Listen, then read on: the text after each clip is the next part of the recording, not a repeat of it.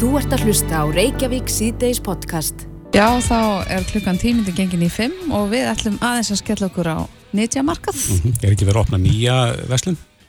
Góða hirðisins. Já. Heldur betur og ég lasi fréttablan að vera að byggla til fólk sem að taka ekki til alveg strax og býða eftir þessi nýja veslun opni. Já, og svo maður fara að móka þar inn. Emitt, hann sestur hérna hjá okkur Freyr Ejálsson, verkefnastjóri Hagkerfis hjá Sorpu.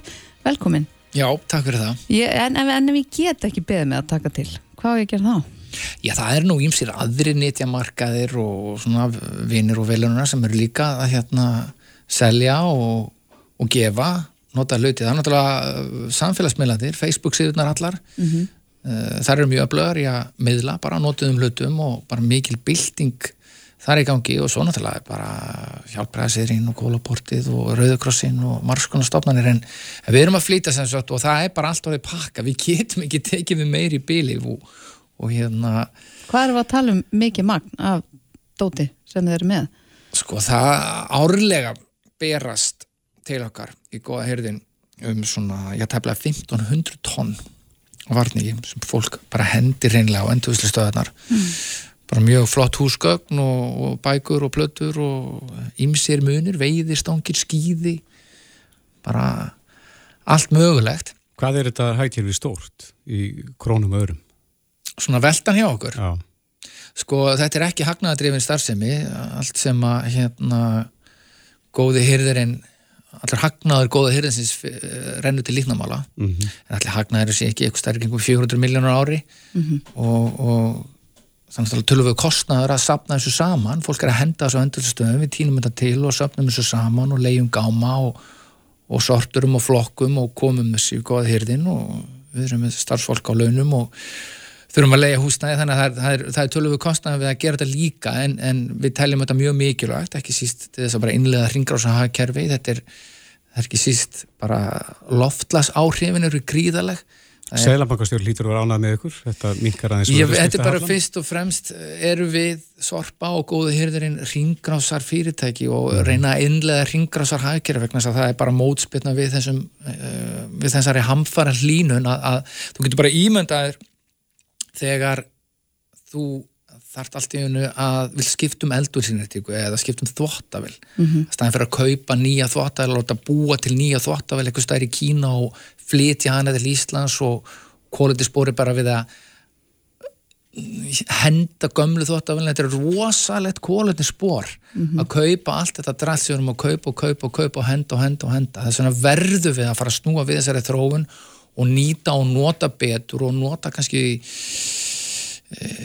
gamla hluti og, og hérna ef, einhver, ef þú ert farin að hætta að nota þessa tösku hérna eða þessa tölu, það getur bara vel verið ég getur notað hann líka staðan fyrir að kaupa, kaupa nýtt og þetta bara, þetta eru mikið loftlas áhrif En, en erum við ekki bara orðnir svolítið luxuspjessar? Við viljum bara eitthvað ákveðið eins og til dæmis húsgögn? Já, og þess vegna finnst okkur bara við um það skilið að kaupa þetta nýtt og þetta passar akkurat og er í leitapalátinu sem við erum að leita eftir. Jú, við erum ekki næstu þjóð og ef að allir jarðabóðum myndi að hegða sér eins og Íslendingar þá þurftum við fjórar jarðir.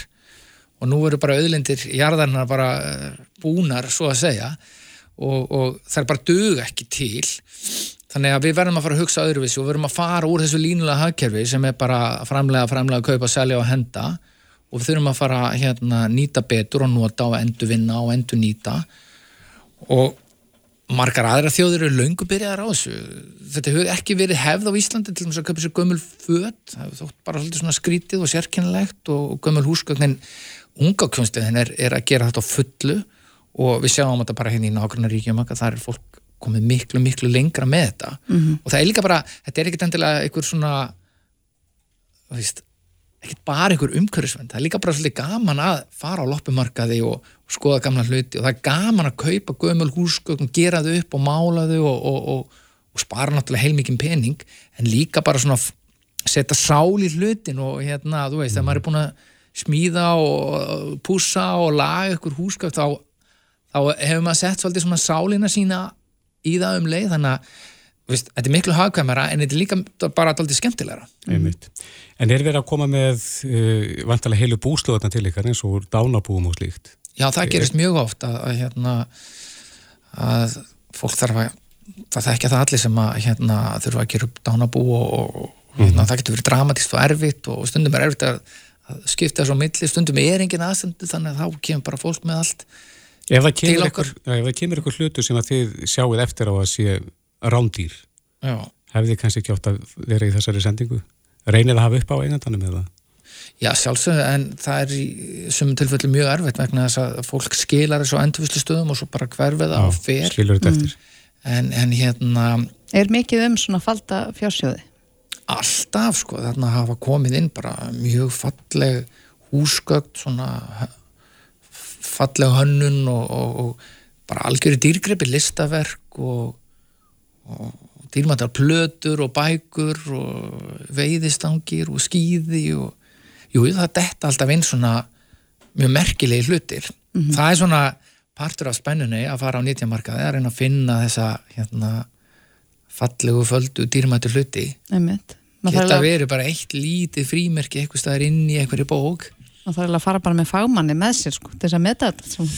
já, það er svona partur að þessu að fara og leita og skoða en, en hérna en, en svo getur bara uh, fallegu stóll eða fallegt borð verið bara heilmikil dýrgrupu fyrir þig því þetta er akkurat stóllin sem að þú fílar og þig vantar og mm farðan á hérna, miklu miklu lagra verði heldur en að kaupa nýjan og líka þar með spararu kólætinsbúri við að þurfa að farga þessum hlut og að framlega nýjan hlut Einmitt. En mér langar að spyrja þig sko, þú minnist á það núna nokkur sinnum að fólk kemur með þetta á, á sorpustöðar og þið takið þetta þaðan.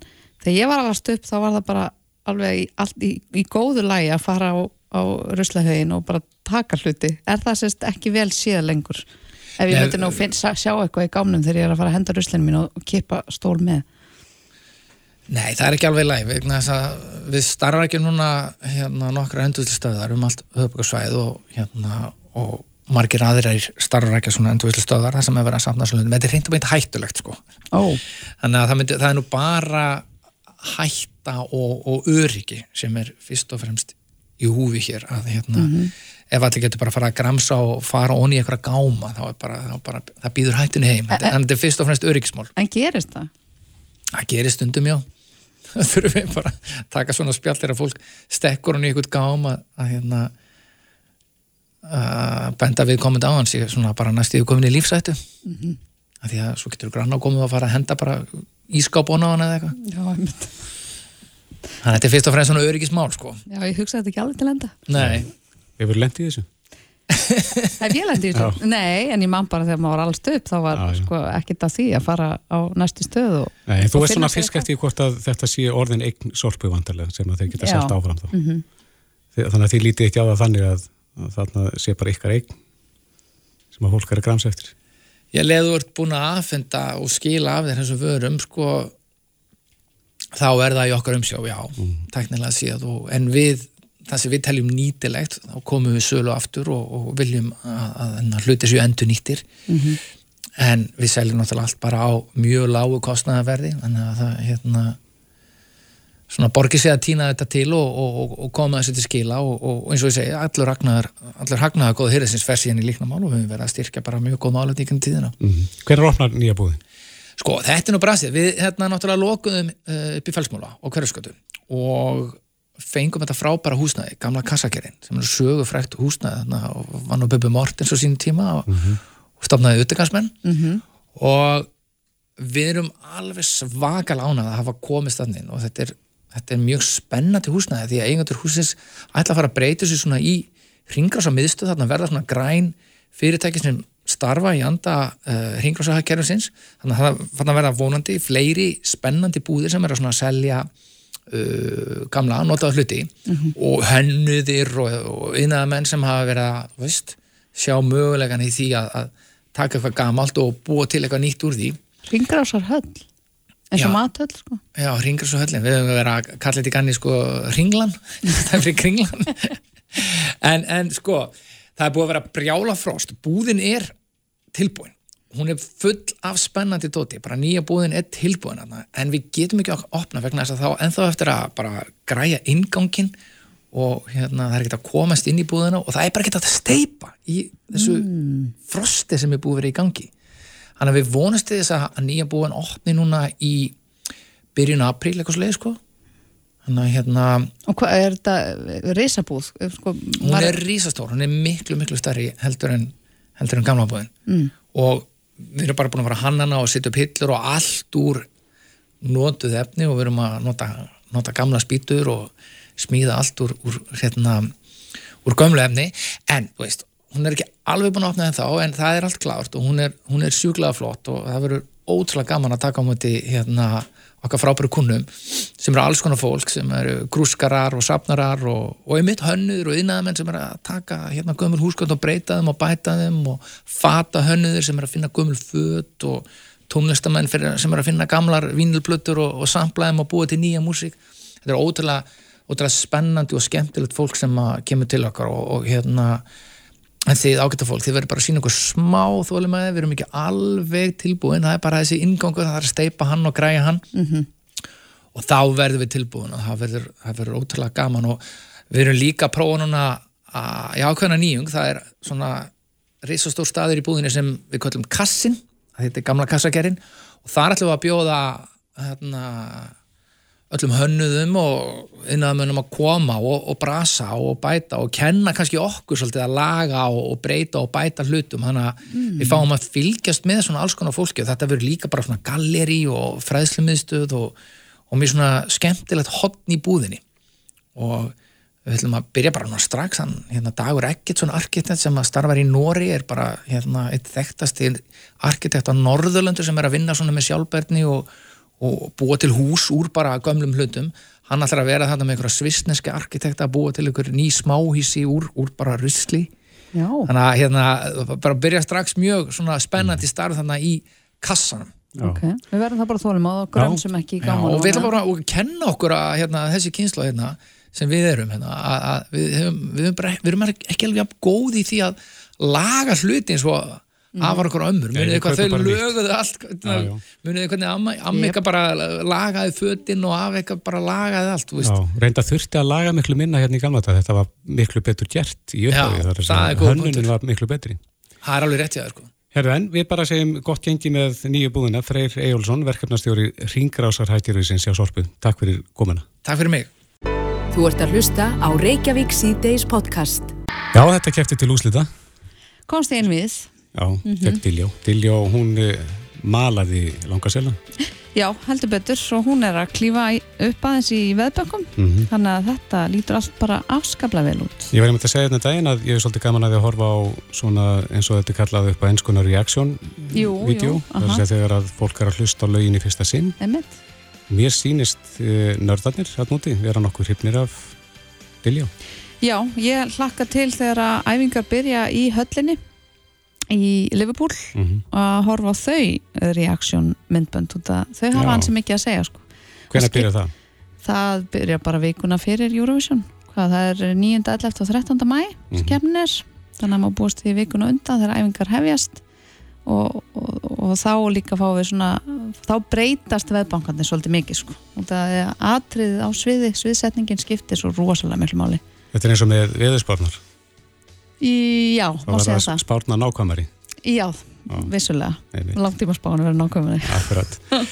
En hann var hérna hjá okkur áðan hann Freyr Eyjólfsson Mhm. sem er fyrir fyrir ringrásar verkefninu og hagkerfinu hjá Sorpu. já, vorum aðeins að ræða nýtjamarkaðin þar sem þegar fólk er að kaupa nota hluti. einmitt og láta hluti að ganga áfram Já, og þetta er náttúrulega líka eins og hann myndist á samfélagsmiðlum, það er stórt samfélag þar sem að hlutir eru gefins á Facebook, til Mhm. dæmis en það er spurning hvort að það hjálpi til við að ná niður verðbólgu ef að fleiri fara að gera það, fara að kaupa nota hluti í staðin fyrir að kaupa nýtt innflutt. Já, Hann er komin til okkar Jón Bjarki Bensson, aðalhægfræðingur Íslandsbanka, velkomin.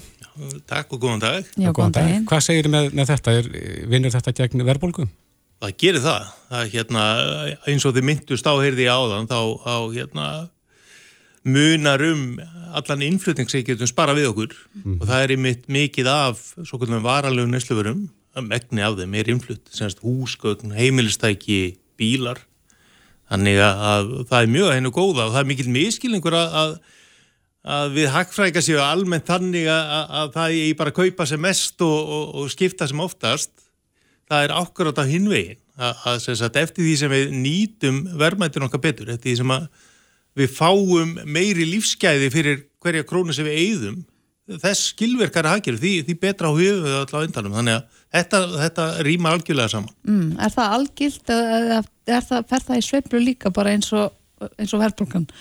Það fer auðvitað gengur í sveiflum og, og, og við þekkjum vel til dæmis að innflutningur á, á þessu neysluverum, hann, hann tekur alltaf toppan á læðuðirnar svona með meiri krafti heldur en nöðsynni verður eðlilega sko, þegar, þegar mikið er mikið er í gangi í hækjörnu og, og, og hérna, neyslan aukastrætt, þá, þá er vakstabrottur í innflutu neyslunni, en það þarf ekki að vera lögmál. Eh, við hefum til dæmis séð bæði hér á landi og löndunum í kringum okkur að, að fólk er að leggja meiri áherslu á upplifun og að kaupa þjónustu og, og hérna, eitthvað sem veit, veitir þannig vel í þann og það er auðvitað, það er vestlað heim í hér aði og það er kannski að verða og jafnvel þegar fólk fyrir að myndi landa þá eru svoleiðis uh, þjónustukaup líka verða stærri hluti af neistlunni þar sem að kemur okkur líka vel því að þá erum við kannski meiri mæli að selja ellendu ferðamannum uh, þjónustu sem er sköpi hér einanlands heldur en að vera að selja þeim kannski hérna, vartning sem að er innfluttur eða minnskosti ráfni í hann mm -hmm. þannig að aftur ég held að, þetta sé það sem koma skal í auknum mæli í, í framtíðinu og á eftir að hjálpa okkur með okkar utanækisvískiti. Mm -hmm. Þannig að hagfræðingar og til dæmis freyr sem að er að stýra ringrásarhaggjörnu, þið eru raunin á sumblasið. Já, það ætlum ég að vona. Ég er að minnst kosti alfarið þarna. Ég, ég sé bara ekki annað, sko, til þess að, að við getum haldið áfram að búa við hvað ég segja, svona sæm, sæmilega eðlileg skilir hérna á jörni að þess að hérna, ganga á mikið auðlindir svo framvegist og eins og við höfum verið að gera það er reyndar sem betur fyrr fylgni millir þess að eftir því sem að, að haggjörfið þróast frá að, að reyða sig einhverju á yðvæðingu yfir í svona það sem stundu kalla post-industrial, mm -hmm. það sem að þjónustu starfsemi og mann, mannus og hugvits vinna er, er stærri hlutur stærri hluti að haggjörinu þá verður nýtingin á, á já, hverju orku kíló við getum varðað þannig, hún verður betri. Já. En aðeins að 13 dagsins, eh, við lærðum nýtt orð í dag. Já. Sveiblu jöfnunar auki. Já. Þetta er ekkert nýtt þjált orð. En eh, Sælabankin, hann ákvaða að hækka framlög uh, við stjættabankana í, í sveiblu jöfnunar auka upp í 2,5%. Það er verið að þrengja við stjættabankunum, við erum verið að búa sig undir magra tíma. Já, í rauninni tilgangurum með þessu að, að passa það að bankarnir séu í sem allra bestu færum ef að aðstæðu skildu breytast til hins verra. Það eru búin að vera mjög hagfældar. Eh, Sælabankin til þess að slækka þennan auka tímabundið þegar COVID skalla á mm -hmm. til þessi mitt að, að, að bankarnir hefðu þá meira sögurum til þess að ganga í að stiðja við heimil og fyrirtæki auðvitað vel mæta útlarnatöpun sem reyndar koma daginn að urðu miklu minni heldur en óttastar og, og af því að við sjáum kannski fram á erfiðari tíma í framtíð en akkurat núna er staðan bísna góð þá er það í rauninni réttu tífapunktu til að, að íta þessu eh, sagt, þessum auka í þessa áttina mm -hmm. og, og þar með í rauninni skilda bankana til að vera sem allra best búnir undir ef að skildi slá verulegi hardbakka hjá heimilum og fyrirtækjum. Þannig að þið þá, gætu þá veitt heimilum og fyrirtækjum meira svigrum?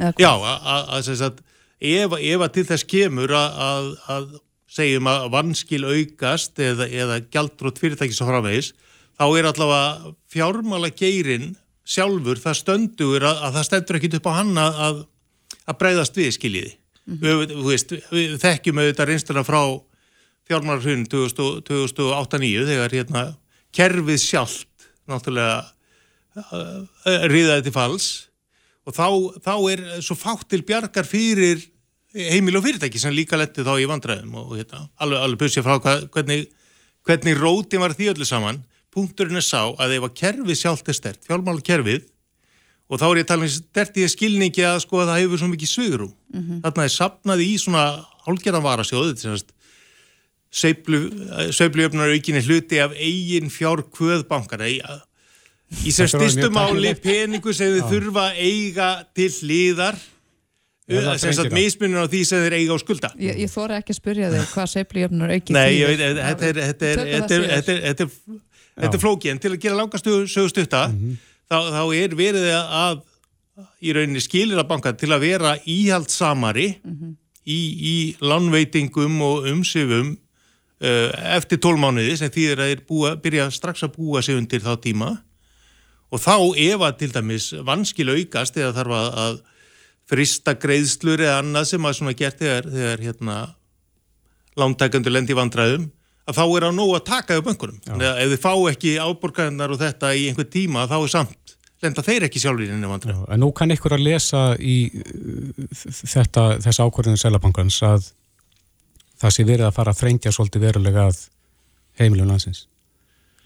Áttu vona því að næsta stýrjáðistahækkun verði vegleg og að það muni þingja róðurinn hjá fjörstjöldum landsins. Já, ég er svolítið hrættur um það að, að við séum ekki alveg sloppið með skrekkin í vakstaækunarferlinu. Uh, við í greiningu Íslandsbakka gáum út stýrvastbá í morgun. Það er vakstaækunni í næstu viku og við eigum vona á 0,75% hækkun stýrvasta þá.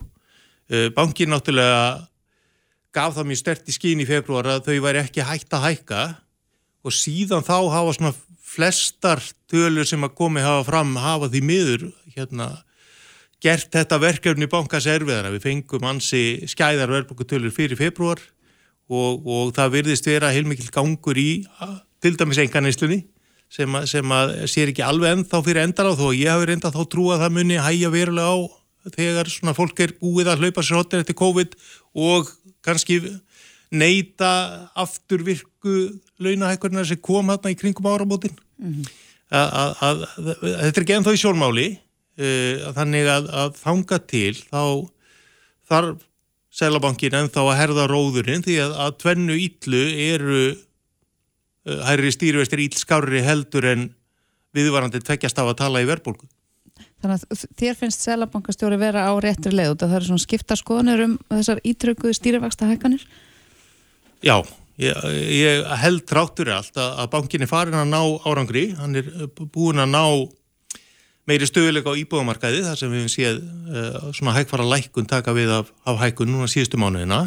Uh, það er mikilvægur árangur því að ég held að okkur af öllum þótt nógum hversu, hversu rætt verðvar að hækka á markanum uh, og þanga til kannski alveg nýlega vorum við líka fann að sjá svona dempast svona me mestu þensluna annar staðar í, í hagkerfinu. Svo kemur þessi fjörgipur núna sem ég held að tengist ekki síst þessum afturvirku launahækunum mm. og það er eins og geikur sko, það, það er gott auðvitað að fólk hafi meira sveirum uh, tímabundið en, en á endanum þá uh, ef að eftir spurnin ef spurnin eftir vörum og þjónustegi viðvarandi meiri heldur en það sem við getum skaffa þá kemur það fram í að verði hækkar og, það er hluti af verbulgunni þessa dagana og ekki síst ástæðan fyrir að hún, hún small í tveggjast af að dölur núna í februar Já, mér heyrist þú vera að ráleika fólki þá að fara í góða hyrðin og ekstra loppun á slíka staði?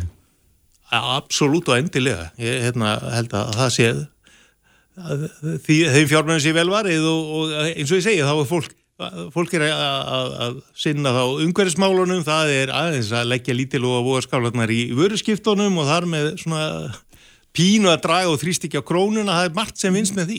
En, en svo sér maður samt auðlýsingur um að það eru að opna hér ný alþjóðleg fyrirtæki, bara til dæmis eftir tóta að opna hér stór fataverslun, Gina Tricot sem er mjög vinsæl, allan á Norrlöndunum.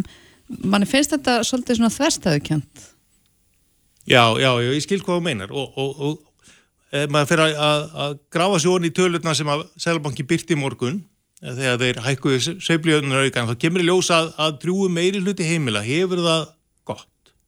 Fjárhagstæðan er sterk, uh, kaupmáttur hefur að miskulega staði í staði ekki aukist, skuldsetningar hófleg, en við erum auðvitað með all nokkur minni hluta heimila sem að hefur það ekki gott, sem að er að, er að finna verulega fyrir verðbólkunni og, og hækkandi vöxtum og þó að það sé minni hluti, ef, ef við tölum um 10% heimila, það er samt á annar 2000 heimila, það er kannski þú veist, það lítur þægilega út í bókunum, það er ekki ógn við stöðuleika í hækjörfinu en, en það er lítil huggun þeir sem er í þessum andræðum.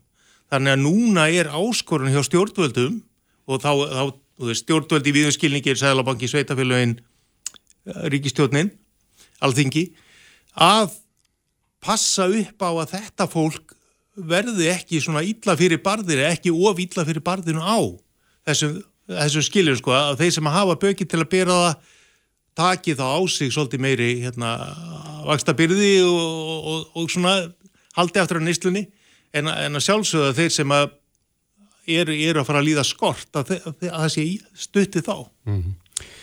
Já, setjum punktin hérna Jón Bjarki Bensson, aðalhagfræðingur Íslandsmáka. Kæra þakki fyrir komina. Takk fyrir mig.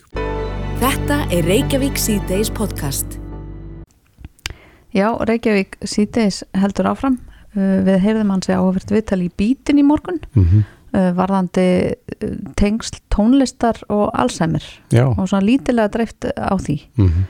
Og þetta hefur nú heyrt áður og, og líka varandi dans og allsamir þegar það er sérst að dansspor og tónlist Já. geta einhvern veginn kveikt á einhverjum heilastöðum sem við heldum kannski að varu í dvala eða jáfnvel bara farnar yfir í einhvern annan heim Já, en e, þessi mál e, og umræða um Alzheimer hefur verið svolítið ábærandi undarfærin ár og verður það jáfnvel meira svona núna í setni tíð þar sem að þjóðin er eldast uh -huh. En einn af okkar allra mestu sérfræðingum í Alzheimer er á línunni, Jón Snædal, öldrunar læknir, kom til sæl. Já, komið sæl. Já, erum við ekki að þokast eitthvað nær, jafnvel lækningu á Alzheimer? Ég veit það nú ekki en við getum sagt eins svo að við séum stödd þar sem að hjartalækninga voru fyrir 40-50 árum síðan þannig að við erum náttúrulega svolítið á eftir en, en mm -hmm. þetta heldur alltaf koma og ég held að þróun verður hraðar heldur en það er. Mm -hmm. Þannig að við erum svona að horfa fram á og það verði ímisett að gerast á næstu árum. En, hvað er það við allsemmir sem ger það verkum að, að við erum eins og þú segir þessum áratugum á eftir öðrum sjúkdóm? Já, það er náttúrulega einfallega vegna þess að heilin er miklu flóknara e, líffæri að, að rannsaka heldur en til dæmis hjartlað. Það er svona aðalmálið, þú, þú tekur ekki síni eða þú, ger, þú, þú ert erið með að gera svona nákvæmari rannsóknir eh, á heilanum eins og í hjartanu og svo eru þetta starfseminn sjálf svo miklu floknari. Mm -hmm. Já, en veitu við eitthvað hvaða er sem að veldur þessum sjúkdómi? Það er nú ekki alveg ljóst að hefur komið ljósuna í samatektum að um 60% sé vegna hluta sem við ráðum ekki við, það er að segja aldur og, og erður mm -hmm. og 40% sé vegna eitthvað sem að þú getur eitthvað gert í fyrirfram. Eins og hvað? Sem er, sem er tölvert hátt hlutvall. Já, við skoðum þetta eftir bara aldrei að mentun svona í heildina er e, svolítið verdandi þannig að það skiptir máli til þess að, að spórna gegn því að ungmenni hætti í skóla. Það er eitt. Mm. Er það námið, er það svona bara þjálfun fyrir hugan? Já, hérna á Íslandi hefur náttúrulega í gegnum tíðina verið mjög, mjög mikið sjálfsmentun sem er náttúrulega erfitt að, að mæla mm -hmm. en þannig að þetta er svona erlendar ansóknar ég held að við séum komið þanga í raun og veru. Þannig að þeir sem að vilja menta sig, þeir eiga þess kost og hafa áttæði tótti langan tíma. Og það kemur sér til ljósa ef þú notar heilan vel eins og fólk gerur nú gætnin í námi og því sem eftir fylgir að þá ertu betur settur, þú fær svona vara forða í heilan getum við sagt. Mm. Þannig að myndir þú þá mæla með því að fólk bara öllum aldrei sé duglegt við að sækja sér aukna þekkingu og mentun? Já, það er og til dæmis það sem að getur, það sem að hjálpar fólki einna best, svona sem er komið á efri ár, það er bara að læra neitt tungumál. Mm -hmm. Já. Áhugavert. En e, það hefur líka verið nefnt þetta með sko skamtíma minnið. Hefur sjúkdómurinn mest áhrif á, á það? Það er langt mest áberandi vegna þess að þú ert að nota skamtíma minnið sko frá mótið til kvöls, en til þess að langtíma minnið, þú þarfst ekki, það reynir kannski ekki svo mikið á það nema þú sé treinlega spörður út í fyrir tíð. Mm.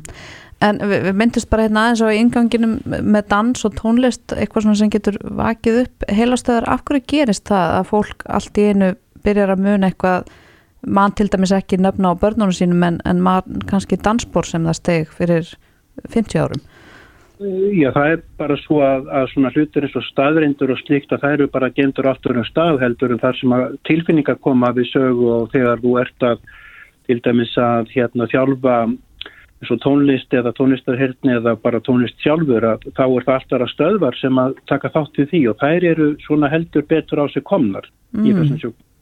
Þannig að það er þá meira tilfinningatengt heldur en eitthvað sem getur e, e, svona haldbær minning eða hvað?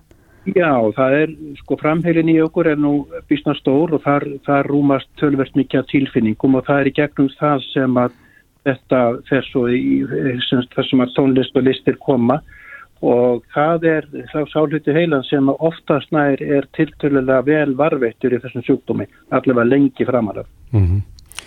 Já, þú nefndir hérna heila leikum við náðan og sagði að nám væri mjög gott í, í því. Já. Uh, hvað með að læra til dæmis að dansa? Jú, jú, það er, það er allt sem að Sko það, við skiptum þessu eiginlega í, í trend sem hægt er að gera. Fyrsta lagi er að það líkamlega, það er að hugsa vel um líkamann sjálfan og þar með að gera eitthvað sem heldur honum í góðu horfi og, og passar að, að gera ekki eitthvað sem að kemur niður á líkamstarfseminni. Í mhm. öðru lagi er það andlega að reyna svolítið á heilan og í þrija félagslega að hafa samskiptu annað fólk og, og e, svona láta, láta dagan ekki líða á þessu eitthvað svona einhver samskipti verða. Já, eru... Einangrun er tölver óvinnur. Já, er, já, í þessu. Já. En hvað með krosskátur og uh, slíkt? Það er bara mjög gott en það er kannski ekki gott að endilega gera það bara. Mm. En það er gott þess að hafa það með. En, er, en eru þetta forvarnir, Jón, eða er til dæmis ef fólk reynist með Alzheimer, er, er hægt að gera eitthvað þá þegar til þess að hægja ásöktunum?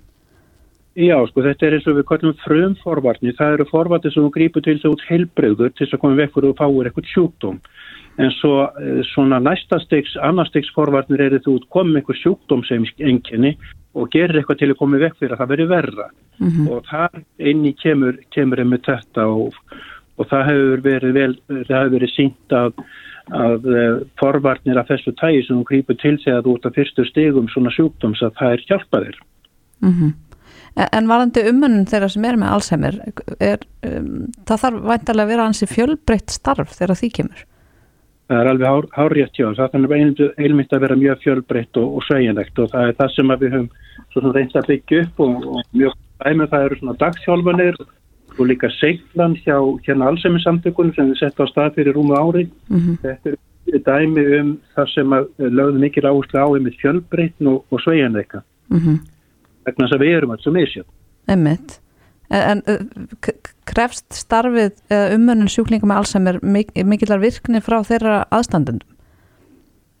Það getur gert það en það er kannski sko það sem að hefur náttúrulega lengi bröðið við það er að þetta er oft ansi mikil mikið verkefni hjá aðstandendum einstakling og það sem við náttúrulega reynum að gera er þeir sem að er að skipra eitthvað þjónustu það er svona svolítið að taka þá Eh, þau verkefni svolítið af herðum afstandenda og, og það ef þegar vel gengur að þá er veru geng, gengur það bara ágætlega upp. Já, svona kannski áður við missing á símanu Jón, fyrstu einkenni Alzheimer, hver, hver eru þau? E, þau eru yfirleitt þau að þú gleymir sko meira en áður, það gleyma allir eitthvað. Og það er eðlilegt? Það er eðlilegt og að, að mun ekki nöfn á einhvern sem heitir í bónus og það er fullkomlega eðlilegt því að mm. fólk í dag sko það hittir og í gegnum tíðina kannski 100.000 sinnum fleira fólk heldur en ef þú fær þremur eða fjórum kynsluðum framar þessum fyrr mm -hmm. og ekki nómið það að gamla, á gamla Íslandi þá átti fólk bara tvenn fött, þá voru vinnufött og, og sparifött en núna getur hitt sami einstaklingin í, í hérna ásáttíð og sundlufabarmi og, og hérna í vinnuföttum og allt, allt mögulegt fyrir utan allar mögulegar útlýtsbreytingar eins og bara með gleru og með að hárgriðslu. Er mikið um það að fólk kannski óttist að sé að fá Alzheimer þegar það finnur fyrir því að það sé að fara að gleyma svolítið? Sko fólk sem að ákanski er út með að finna eh, semst muna eftir fólki sem það hittir og það náttúrulega ágerist aðeins með árunum að það er einföld ástæða þá hefur hitt fleira fólk og kannski lengra liði sem hittir að síðast mm -hmm. það er sem svo hugsa út í þetta þegar það fyrir að rekast á eitthvað svona á sjötusaldri eða átræðisaldri og kemur, og kemur til síns læknis og byður um rannsóknir á þessu þetta er yfirlt alveg fullkomlega eðlert mm. Hvernig er það síðan ákvarða hvort að einhver sé með Alzheimer eða ekki? Hva, hvaða prófur tengt því? Að við sko reynum að skoða heilan frá mörgum sjónarhörnum e, á, í þessum rannsóknum. Við skoðum hvernig það náttúrulega virkar með svona testa fólk og ymsum hátt. Mm -hmm. Við skoðum hann lítur út með því að taka segurlómun eða tölvustnægmynd. Við skoðum hvernig, hvernig hérna efnasamsetningin er með því að taka mænuvöka pröfur. Við skoðum hvernig og líka er hægt að gera það með jáandaskanna. Þannig að við skoðum sagt, heilan frá ymsum sjónurhöfnum og þá er svona heildar niðurstaðan eru gerðnan þessi. En það eru vissi atriði sem að hjálpa okkur meir en önnur. Mm -hmm. Svo sem við ákveðum prótin í mænuvöku og við tökum það heilmikið hér á landakoti. Heimitt. Og er það, er það bara minnið? Er það fyrstu merkjum allsamir? Er, er einhverja skapgerðabreitingar sem fylgja því? Já, það, það geta verið svolítið afleiðing sko, en, en önnur aðtrið sem að náttúrulega geta komið fram er svo ræðtið sem verið skertari og að þú er erfitt með að, að hérna, skipulegja aðtapnir ínar þar sem að þú hefur kannski gert í gegnum tíðin á þess að þurfa mikið að hugsa um það eins og til dæmis svona tvær pjastýringar á sjónvarp. Mm. umlíkt mm -hmm það getur fara með það, já við fengum ímsum spurningum svara einmitt og vonandi þókustið rætt að meiri sannleika um heilan. Hvað, hvað vitum við mikið um heila núna ef að, ef að við ímyndum okkur 100% að það sé mest? Já, þú heldur að ég geti svara þeirri spurningu, þá held ég að þú fyrir född björnsýt Já, e, erum við komin upp fyrir 50%? Það veit ég bara ekkert um sko, en, en heil þá það sem við erum að horfa fram á næstu árum það er að við förum að fá aðeins öflugur í meðferð það, þannig að ef þið hafið samband þetta árið þá kannski verður það ljósara. Já, spennandi hlutur að gera skannilega Já, greinlega, Jón Snædal Öldrunarleiknir, takk kærlega fyrir spjallið. Já, sjálfsagt Þetta er Reykjavík C-Days podcast Já, þá vantar klukkuna 28 mínutur í 6 og við ætlum að ræða það sem er á margra vörum í dag og það er þetta spjallmenni, mm -hmm. chat GPR. Nýjasta T, GPT. GPT, ég... Sko, það er ekkert skritið, þetta er svo nýtt Já, þú heyrir efasönda strax ég ætla ekki eins og að leggja þetta á minnið sko. Æ, akkurat, þetta er hérna nýjasta æði í dag og það eru margir eh, sem eru svona að eh, leika sér. Já. sjá hvað, hvað hægt er að gera með þessari tækni. Og við heyrðum það í morgun og Lili Alfredsdóttir kom í bítið í morgun. Mm -hmm. en hún var einmitt að segja frá því að Íslenskan er komin þarna inn sem er stóra áfangi. En e, það kom inn góður gæstur til þess að ræða þetta eins með okkur. Björgun Ingi Ólafsson, ráðgjafi hjá Dílótt og stjórnumæður í Almanarómi sem er einmitt að vinna í þessu máltækni verkefni velkomin Takk fyrir. Já, þú segir okkur bara hvað fælst í þessu til dæmis að nú er Íslenskan komin inn í þetta spjallmenni. Já, og Kristófer bara með alveg sérstaklega með að tala einfaldsmál. Já. já. Þannig við skulum bara gera þetta hægt og rólega. Gjör svo vel. Eins og því sem sjú ára. Eins og, já, já, og þú getur mér að spurt beðið þetta ágæta spjallmenni um að segja, segja þér eitthvað eins og þú sett sjóra. Ah, ok. En, en, en í, í stuttumáli sagt þá er hefur orðið tiltækni sem við kallum máltækni. Mm -hmm. Hún færst því að sapna saman miklu texta, setja inn í einhver mótel og láta það verða grunna einhverjum svörum. Mm -hmm. Þannig að þetta er ekki sko þekkingarmótel í rauninni, heldur er þetta sapna mjög miklum texta sem smám saman fattar hvað er rétt og hvað er ránt og læri sjálft alls konar hluti. Fyrir nokkru síðan, þegar þetta kom fyrstu upp, þá settu þau bara sjálf inn slatta í íslenskum orðum mm -hmm. þeir sögðu aldrei módelinu þetta verið íslenska orð en módelið kendi sér íslensku sagði þetta held ég að íslenska ég held að íslenska sé svona og hún gerir haga sér svona út frá því sem ég veit úr þessum orðum mm. það sem gerist gær var að það kom ný útgáð af grunni þessar spjallmenni sem heitir GBT sem er svona fórþjálfað líkan eða eitthvað svo leiðs, við kallum þetta mm -hmm. sem engi veit náttúrulega hvað þið er en, en við getum alltaf haft að þannig mm. og það líkan sem kom í gær er 600 sunnum starra og kraftmera heldur það sem var í fyrirtak. Þannig að hraðin á lærdómnum í, í þessu mótili er stærri sem því nefnur. Og það sem gerist í gær sem var afleiðing eða svona í framhald af ferð sem við Lilja fórum til bandaríkjana heimsóttum OpenAI sem er fyrirtæki sem er að baka þetta það var sért, ferð í vor sem var sendinemt fórsetta sem ráð þeirra og, og, og við nokkur svona í baklandinu fórum í.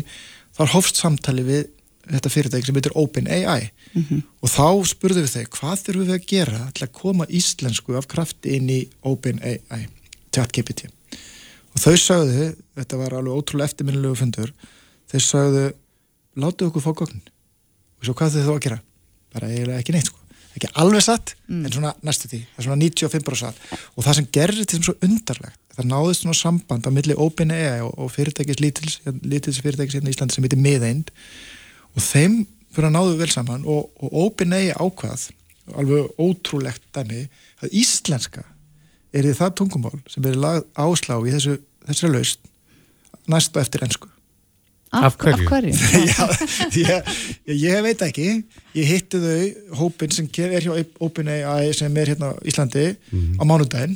Og ég geti spurt um Mm. en, Er þetta svona... en er, já, ég skal segja, ég skal segja okkur ég held það Eh, við fórum sem þjóð fyrir fimm árum með svo kallar máltækni áallin og þá var þekkingin á máltækni þannig að þegar ég var að útskýrta fyrir einhverjum þá held fólk að þetta veri máltækni þetta var eitthvað svona loksuða eða eitthvað svo leiðis en núna er þið að tala um þetta því þetta er allir að tala um þetta en þetta gerist mjög hrætt við fórum þá og smíðum svona innviði við smíðum svona grunninn að húsinu til þess að einhver annar eða kannski ja, spilum meila fordunamáli eða tæknin á bakvið eitthvað sem annar, einhver annar getur notað. Byggum til svo kallega kjarna innviði íslenskra máltækni og það er svolítið það sem við erum að láta þau fá. Og af því að við erum með þetta sem margar aðra þjóður hafa ekki gert þá er auðveldara fyrir OpenAI að taka íslensku upp á sína arma heldur en dönsku eða frönsku eða eitthvað En svona opnar þetta leið þá til annara fyrirtæki eins og Google? algjörlega og við, erum, við, og við sem þjóð erum í, í miklu sambandi við önnur svona fyrirtæki. Það er komin mjög flott íslenska í, í lausnir frá Microsoft sem dæmi Apple, þeir eru svolítið svona vilja svolítið hafa þetta í svona einu heimi og er vera með að vinna með svona ytri lausnir. Uh, Google er svona einhvers þar mitt á milli Apple og Microsoft. Microsoft hafa verið mjög uh, vinnveitt okkur í sinni þróun og það er má svona líka segja það að það er mjög mikið samband millir OpenAI og Microsoft. Þannig að við sjáum það alveg hjálpa okkur mjög mjög mikið en, en þú lýsur þessu sem einmitt svona ótrúlegu ferðalagi sko, og þá hugsa maður, er þetta þá ekki bara á gott þess að vera satt, fyrst þetta gerir svona tiltölulega rætt og íslenskan er, er þetta útvalda mál Já. sko það verða fleiri mál og um leið og önnur mál geta bóðið sömu innviði og við getum bóðið og ykkur geta það alveg svo er þetta kannski bara tilvílenni sko. fólk nær bara saman og, og finnst gott að vinna saman og svolítið en ég hugsa þetta miklu frekar aðeins lengra sko. hvað þýðir það fyrir okkur að hafa svona tæki í höndunum á okkar tungumáli sem fæstir hafa á sínu tungumáli. Mm -hmm. það, ég held að, að, að þetta geti gefið okkur bara mikil dramatískum tón sko, bara svona alþjóðlegt samkefnisforskot uh, við fórum á stað í þessari máltækni vegferð sem var þessi almannarómur sem er félag sem er stutt af ýmsum svona akademiskum aðlum og atvinnulífinu og miklum stuðningi samtaka atvinnulífsins og, og Halldóri Benjamin frangatistur þar og, og, og svo ráðherra og stjórnvöldum og fórseta við vorum þá að segja við ætlum að koma í veg fyrir stafverðanan dauða íslenskunar af því að krakkarnir tala bara við tækinu á ennsku og það er YouTube og það er þetta og hitt sko. En núna erum við í alverðinu ótrúlega nálægt í að geta gert sjálfvirkar þýðingar eh, alls konar eh, alls konar hluti sem bara ég held að eh, myndi vera hæ, hægt að gera einhvern tíman en við erum eiginlega bara á þeim stað að geta gert það núna Hvað, fyrir ekki, hvað verður, ef við kallum þetta bara tæki, þetta chat GPT, Já. hvað verður þetta tæki lengi að læra íslenskuna og fullkomnana? uh, ég veit ekki en með það hvað umbætunar og árangurinn og lærdómurinn hefur verið hraður síðustu mánuði þá er ég mjög björnsinn Mm. og, en það er líka það sko, ok, spjallmennið er eitt núna getur þú farið inn í grunninn sem er á bakvið sem heitir GPT sí, uh, uh, sínt til dæmis að þið hérna, sýti, hérna þið myndu vilja gera heimasíðu. Og þú Kristofur teikna bara upp heimasíðu bara mynd, bara hérna fyrirsögn og litur og logo og svo vil ég hafa klukku sem, sem slæðir hún á að ve- virka í bara, bara vera rétt og eitthvað svona. Sína GPT græna þetta og segja búðu til heimasíðu sem virkar fyrir útastáttum minn hún gera það, En- En er hún 20 þá ekki, er hún þá ekki, fara, að er útrýma allskins starfsheitum? hún er að útrýma alls konar sjálfvirkni eða alls konar hérna handavinnu. Hún er að útrýma eh, því að gera sömu hlutina aftur og aftur. Hún Er eitthvað að- störf í hættu? Uh, já, já, algjörlega, en það er alla tíð alveg frá því að uh, bara við byrjum sem manneskur bara að lifa, þá mm. útrumdu við störfum sko. og við erum búin að vera að gera það alla tíð. Uh, og ég nota það sem litla sem e- e- hefur komið af þeim möguleika sem ég sé mjög mikið bara í mínu daglega amstri og bara möguleikarnir sem svona stór líkan og mótel geta bóðið okkur eru mjög miklir. En eins og Lilla segir sko uh, við þurfum að skilja þetta. Við þurfum að breyta hegðun okkar. Við þurfum að átta okkur því að, að þetta kerfi getur fengið 9,5 í öllum prófum Mhm. uh, við þurfum að breyta lærdom við þurfum að kenna krokkanum hvernig þau geta nota þetta til þess að verða betri ennsku en ekki til að skrifa ennsku rítgerðina sínar eða íslensku rítgerðina sínar Hvað er svona við stikla maður svo stóru að því við höfum ekki eh, langan tíma? Hvað er hægt að gera í þessu í dag? Skemmtilegt. bara allt þetta eftir í hug sko. Þú getur búið þetta tölvuleika 20 sekundum Já.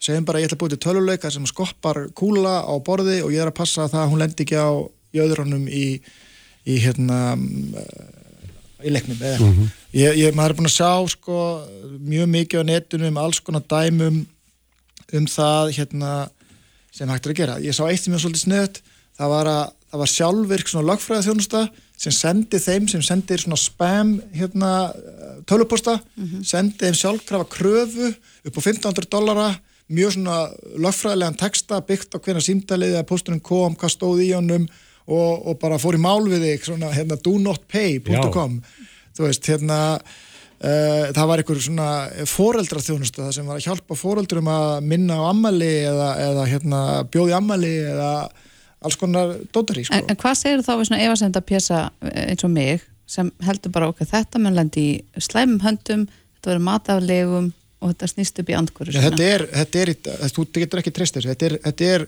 í dag er þetta náttúrulega þetta er, þetta er hérna svona málheilt, skilur, þetta er ekki þekkingalíkan, þetta er mállíkan. Þannig að þegar þú spyrð, ég legg til að gera að spyrja hver ert þú, bara, ég spyr bara hver er Björgvin Ingi ég og ég, er búin að- ég er fekk eitthvað, hann var í hljónstinni blómið og eitthvað algjört rögg en það er sagt að mjög mikill vissu. Já. þannig að þú getur ekkert treyst þessu en það er líka það sem er að gerast. Eh, það sem Microsoft er að gera þau eru að byggja á GPT líka þeir eru bara útferða aðeins öðruvísi þá eru þau að gæta, geta heimildar. Að það sem er að, sem er að hittast einhver stóri miðinu er að þessi, þetta málíkan og þekkingalíkan mætist. Þannig að þú fær meiri, þú fær kannski að vita meira hver er vissan fyrir því sem er sagt. En það er um að gera að vera uh, skeptísk og reyna að skilja þetta því að ef þú ert skeptísk að því er út að reyna að spyrja spurningar sem hjálpa þér að skilja þetta betur. En í mínum huga er þetta greiðlegt tækifæri, það verður mér finnst rosalega áhugavert að fylgjast með því bara hvernig þetta verður komið í almenna umræðu.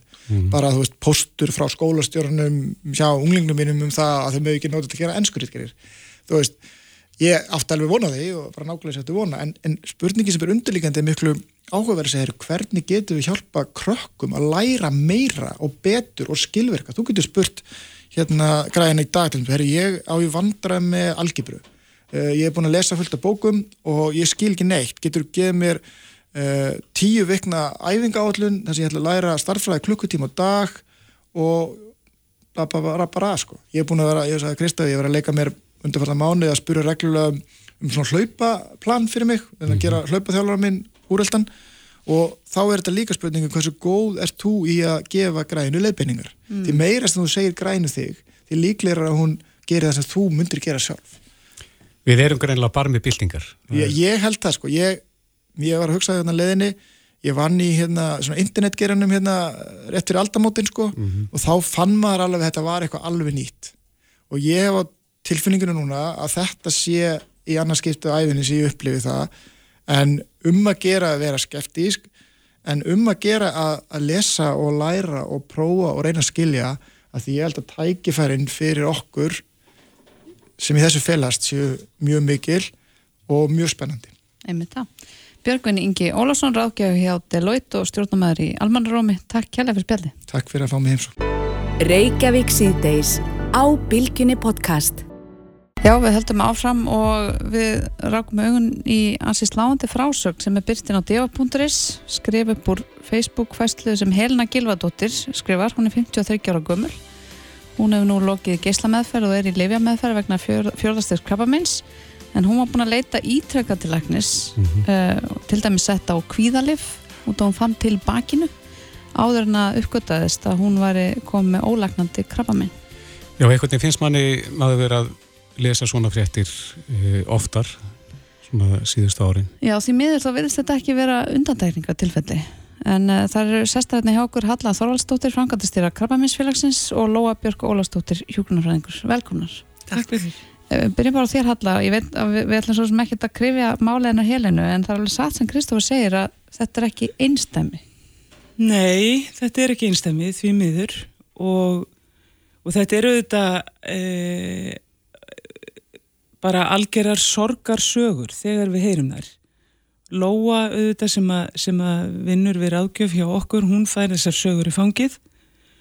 Og þær eru of margar, það er einfallega þannig. Við erum núna í móttumars að, að hvetja fólk til þess að hum ekki fram af sér einkennin. Mm -hmm að, að fara til læknis ef að fólk hefur einhver einkenni sem að eru bara, eh, þið vitið, ef það er eitthvað öðruvísi heldur en, heldur en við erum vön, eitthvað sem við höfum enga skýringu á og eitthvað sem ekki lagast, hvetið það til að fara til læknis en auðvitað þarf fólk þá að geta gengið að því vísu að þar fáið að hlustun að þar sé tími og þar sé tekið á málum. En hvar líkur hundunum grafin? Hvar, hvar er kerfið að klikka?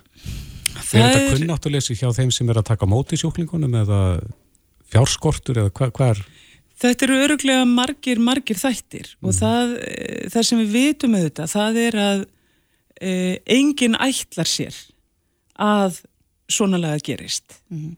Það er alveg á hreinu og það er líka e, næsta víst að við munum aldrei komast hjá því að svona atvik verða. En þarf læknirinn að gera ráð fyrir hennu vesta fyrir ekkar heldur en öfugt? Ég sko, e, við auðvitað erum talsmenn þess að það verði sko búið til e, þannig verklag sérstaklega sem tengist í ef að einhver minnsti grunur er um krabbaminn að þá sé til verklag skilgreint alveg eins og ég segi frá því að grunur vaknar sem að er þannig í raun og veru að ég bara fari inn á eitthvað færiband sem að bara keirir áfram og ég fari í nöðsynlega rannsóknir vonandi dett ég svo bara út af bandinu af því að það sýnir sig að, að ég er ekki meðkrabba megin mm -hmm. en, en að ferlið sé alveg skýrt og að það þurfi ekkert opáslega mikið til af því að við vitum að það að greina megin snemma, það getur skipt svo miklu máli. En, en veitum við eitthvað um það hvað þetta eru mörg tilvik, til dæmis eins og uh, tilvik hennar helinu að leita ítrekka til læknis án þess að vera greint? Nei, ég held að enginn hafi nokkra tölu yfir það. Það sem við höfum gert hjá krabbmennsfélaginu það er að e, það er stutt síðan að við gerðum rannsókn meðal allra sem að greindust með krabbmennu árunum 2015-19. Um, svör þeirra uh, eru auðvitað ekki hvað við segja það, þau eru góð vísbending en þar spurðum við einmitt um hver, hversu, hvort að fólk hefði þurft að leita oftar en einu sinni til læknis vegna einnkjena sem að síðan reyndust vera orsökkrappa minna mm -hmm. og það voru 30% þáttakanda sem að svöruðu því hvort að það er óeðlegt, hvort það er of mikið, hvort það er of lítið, það skal ég ekki segja um. Ég veit það bara ekki. En ég held líka að við eigum í raun og veru kannski engin viðmið fyrir það. Mm -hmm. Stóra málið eru þetta að fólk gefist ekki upp. Að, að e, fólk eins og helena sko, e, já, hvað ég segja, hætti ekki að reyna að fá úrlaust sinnamála mm -hmm. og það getur auðvitað tekið á og, og við vitum það að, að fólk er líka misvel e, í stakk búið til þess að, að hvað við segja, krefjast þjónustu að tala mm -hmm. sínu máli. Mér langar um til að spyrja þér Lóa, hvernig er að fá svona fólk með þessa sög á bakinu í mhm. fangið eins og Halla orðaði á þann? Já, þetta er auðvitað alltaf sko rosalega bara þungbært ofan á það sem að fólk er að fara í gegnum fyrir og, og það sem að liggur fyrir. Þingir mjög róðurinn, það er ekki hægt að segja annað og, og hérna og oft erfitt bara að einhvern veginn lenda og, og vinna úr, en, úr þessu. En í hvernig stöðu er fólk og ég ímynda mér að kvikni mikil reyði að hafa kannski farið fjórum, fimm, sextinn til læknis og ekki verið hlustað á uh, það sem maður var kvart yfir. Og í hvernig stöðu er það? Getur maður einhvern veginn leita réttar síns þegar svona kemur upp? Vitið þið það?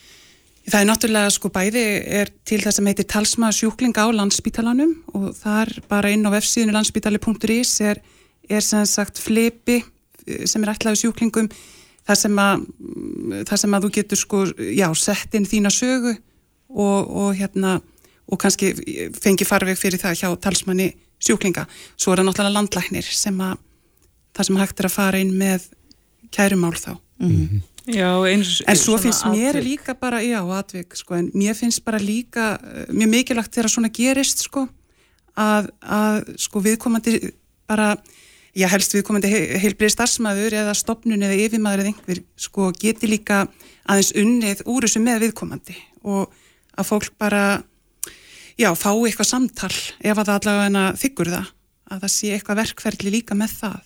Og eins og Halla var að segja líka að það sé eitthvað verkla þegar að, að því það er auðvitað alveg þannig að þetta er náttúrulega rosalega mikið sko, mikið sem rúlar í gegn kannski hjá einum lækni yfir einn dag þú veist á heilsugjæslu til dæmis og, og hérna og lang oftast er það sem að fólk er að leita til læknis með kannski eh, saklu skýringu innan gæsalappa eða ekki allavega lífshættuleg þannig að það er alveg eðlilegt kannski að þú veist fyrst sé reynd ákveðið áður en að það er farið út í einhverjar meiri rannsóknir sko. en ef að fólk byrja að koma veist, oftar en kannski einu sinni eða tvísvar eða fyrir þrísvar með sömu engin að þá sé bara eitthvað flagg sem að og nú veit ég ekki hvort slíkt er fyrir hendi í kerfinu en, en manni finnist það, þú veist, að það væri svo dýrmætt sko, að, að þá færi eitthvað í gang, Einmitt. þú veist, já Uh, Halla, er til eitthvað tölfræð yfir þetta? Er, er við nógu döglega að, að halda skrá yfir þessi tilfelli og getum, getum við búið okkur sama við nágrannlöndin til dæmis?